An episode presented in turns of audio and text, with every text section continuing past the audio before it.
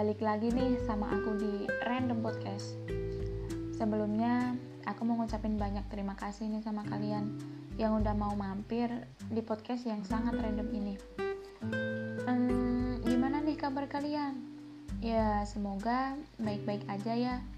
Kalau lagi suntuk, healing dulu gih, biar bisa ngejalanin hari-hari dengan penuh semangat.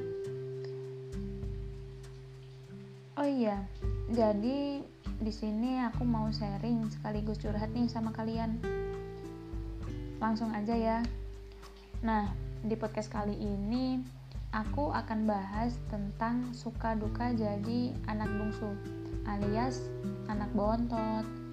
Karena dari aku pribadi emang aku anak bungsu dari tiga bersaudara dan dua kakak aku. Nah, yang pertama sudah berkeluarga dan kakak yang kedua masih kuliah. Ya sama kayak aku gini. Anyways terlepas dari ceritaku hmm, kenapa sih anak bungsu itu selalu dianggap menjadi anak kecil? Asli deh. Mau kita umur berapapun kalau kalian anak bungsu pasti kalian dianggap kayak seperti anak kecil terus selain dianggap anak kecil pasti selalu dikata-katain anak manja lah, anak childish lah. Padahal kan enggak ya ampun. Jujur nih ya, jadi anak bungsu tuh nggak enak banget asli. Yang pertama, kita tuh nggak bisa nentuin pilihan kita sendiri. Apa-apa nih, kita tuh selalu dipilihin sama yang lebih tua. Entah apa pun itu,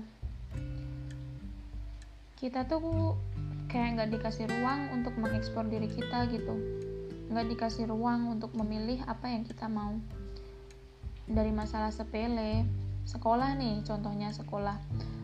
Nentuin sekolah aja kadang kita tuh harus nurut sama pilihan mereka. Kamu tuh nggak boleh sekolah di sana. Di sana tuh gini gini gini. Mending sekolah di sini aja. Oke deh nurut. Tapi terlepas dari itu semua memang sih orang tua kan sayang ya sama kita. Jadi mungkin lebih diposisifin gitu. Jangan hal jangankan hal-hal sekolah ya. Hal-hal sepele kayak kita mau main aja nih. Kalau pulang gak tepat waktu pasti nih selalu dicariin. Contohnya di telepon. Pulang jam berapa? Jangan malam-malam. Sementara nih kakak-kakak kita kalau main padahal nggak pernah yang namanya digituin. Jadi betapa diposisifinya anak bungsu. Hmm udah gitu dituduh jadi biang kerok lah. Terus penyebab masalah lah. Udah dituduh kayak gitu selalu aja jadi babu. Disuruh-suruh terus kerjaannya. Udah disuruh-suruh tapi kalau kita balik nyuruh-nyuruh tuh nggak ada hak gitu untuk nyuruh-nyuruh. Kan kita yang paling kecil jadi kita tuh jadi bahan suruhan semisal nih ya kita nggak mau nih pasti dibilang iya apaan sih? Dasar nggak berguna banget jadi adik. Udah gitu kalau kita nggak mau kan suka adu mulut gitu ya sama kakak-kakak kita. Untungnya nih ya untungnya kalau lagi adu ada pertandingan cekcok adu mulut gitu kadang orang tua suka nimbrung gitu. Kamu ngapain? Adik kamu nih berantem aja kerjaannya. Pasti yang disalahin siapa? Ya kakak lah. Mana mungkin anak bungsu disalahin? Tapi kan emang kadang salah mereka kan ya. Tapi merekanya aja yang nyalahin kita terus. Dasar anak kesayangan dibelain mulu bla bla bla bla. Duh. Lalu kita harus bagaimana? Hmm, udah gitu. Lucunya lagi anak bungsu tuh nggak pernah dapat barang yang fresh gitu.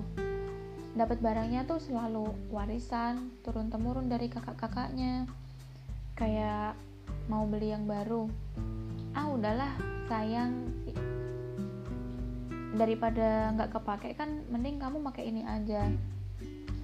Hmm, kayak gitu tuh pasti sih asli deh. Dan menjadi anak bungsu itu tidak seenak yang kalian pikir wahai anak sulung anak tengah dan anak tunggal.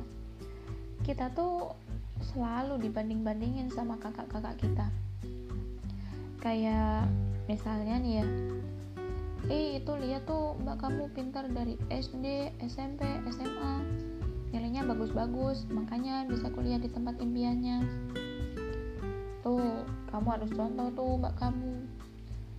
Jadi kayak seakan-akan kita tuh dituntut harus lebih baik dari kakak-kakaknya gitu. Yang mana itu merupakan tanggung jawab yang sangat besar wahai ayah, bunda. Udah gitu nih ya, kita tuh harapan terakhir orang tua. Ya mau nggak mau, kita harus berusaha sekuat tenaga untuk bisa ngebahagiain mereka di usia mereka yang ya bisa dibilang yang udah senja lah ya. Nih, misalnya kakak-kakak kita kan udah pada nikah udah pada berkeluarga sendiri kan ya? Jadi kan otomatis kita yang bakal tinggal sama orang tua. Kita tuh yang ngejagain mereka gitu. Kita yang menyaksikan kulitnya mulai keriput rambutnya mulai memutih tenaganya yang udah mulai melemah.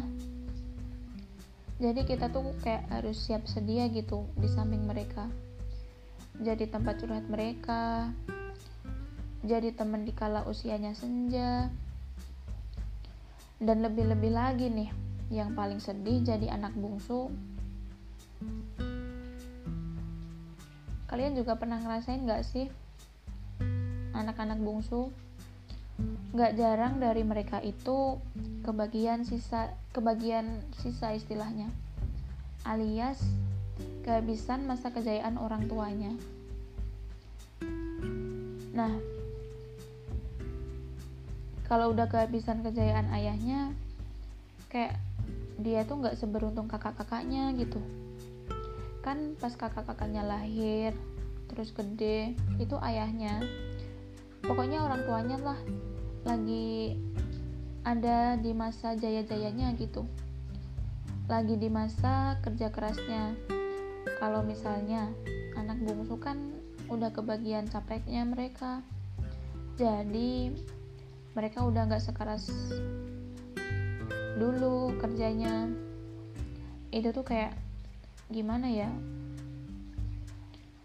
Hmm. Kayak ngebuat kita tuh jadi tanggung jawab sama apa yang kita pengen. Kayak ini kalian kalau misalnya bilang ya jadi anak bungsu. Kalau mau apa-apa tuh diturutin. Itu big no ya teman-teman.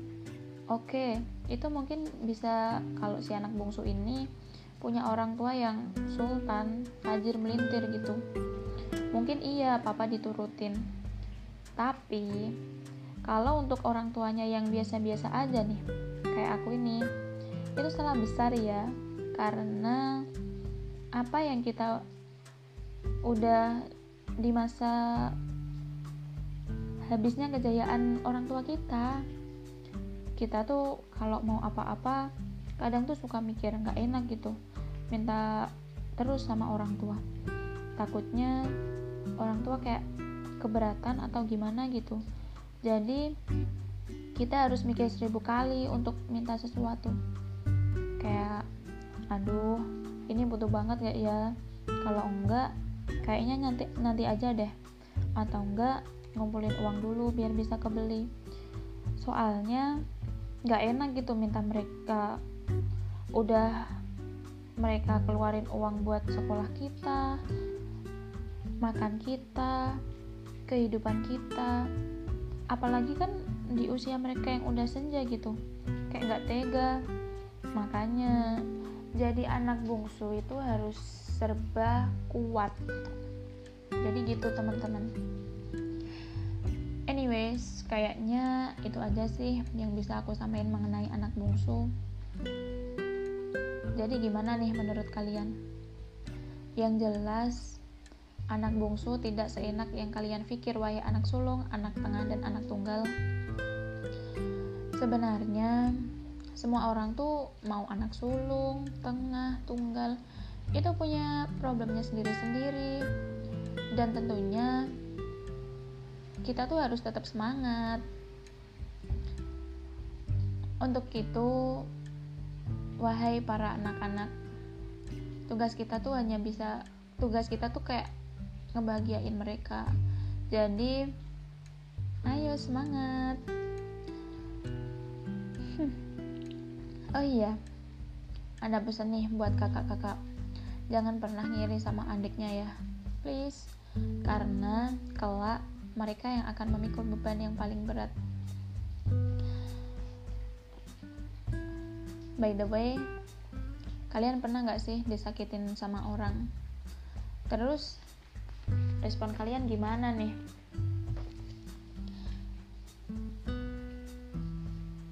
Jadi aku pernah dengar nih kata Einstein.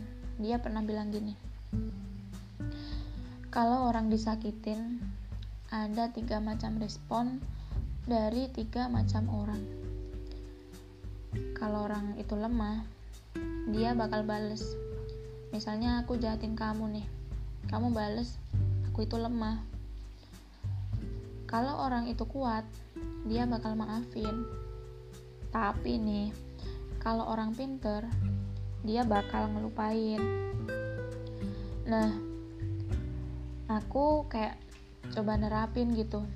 Tadinya aku bener-bener pengen ngebales semua orang yang udah jahatin. Lama-lama aku kayak mikir gitu ah udahlah maafin aja nggak apa-apa jadi di dalam hidup tuh kita nggak bisa yang harus dituntut untuk pintar terus gitu.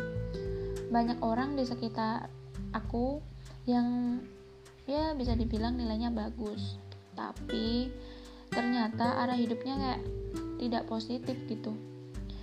Maksudnya jalan pikirannya tuh sempit. Hidup tuh nggak bisa diukur cuman dari nilai doang. Banyak banget hal yang bisa dipelajarin di dunia ini daripada sekedar apa yang ada di sekolah. Jadi kita semua harus mengerti. Kita semua nggak ada yang sama guys. Kadang-kadang ada orang yang mungkin memang pintar secara akademis, tapi ternyata nggak bisa melakukan hal-hal praktikal di luar lingkungan sekolah. Tapi ada juga yang mungkin seseorang pintar banget seni, bisa berakting, bisa melakukan hal-hal unik, atau bermain instrumen secara indah. Tetapi sekolahnya kurang baik. Jadi pada akhirnya kita nggak bisa menyamakan satu sama lain. Karena kita juga punya proses belajar sendiri. Hidup kita tuh sebenarnya cuma perihal waktu. Yang kita kejar apa sih? Yang kita tuh hanya bermain dengan waktu. Sekarang aku hebat. Mungkin besok belum tentu. Orang gak akan selamanya senang. Ada di satu titik di mana nanti dia akan sedih. Begitu juga sebaliknya Orang gak akan selamanya sedih. Mau sepatah hati atau sepahit-pahitnya hidup, suatu saat dia pasti akan menemukan kebahagiaan. Ya gak sih? Jadi hidup tuh berulang-ulang terus gitu. Kayak semacam roda itu kan berputar kan ya. Jadi ketika kalian lagi sedih, sekarang atau nanti nggak usah takut pasti suatu hari nanti akan ada kebahagiaan. Saat kalian bahagia sekarang, hati-hati juga.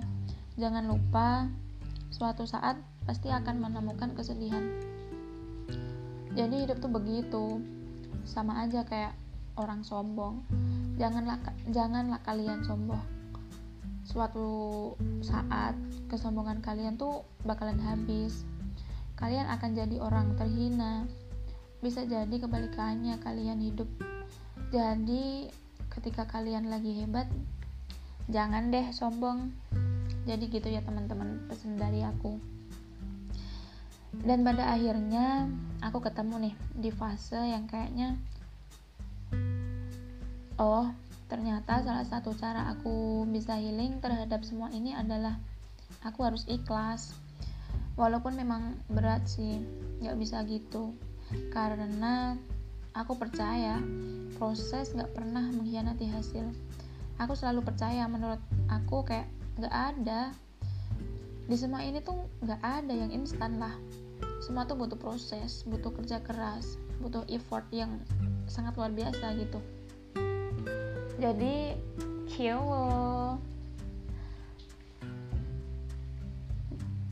ini dulu ya guys yang bisa aku sampaikan sampaikan di episode kali ini. See you in the next episode. Bye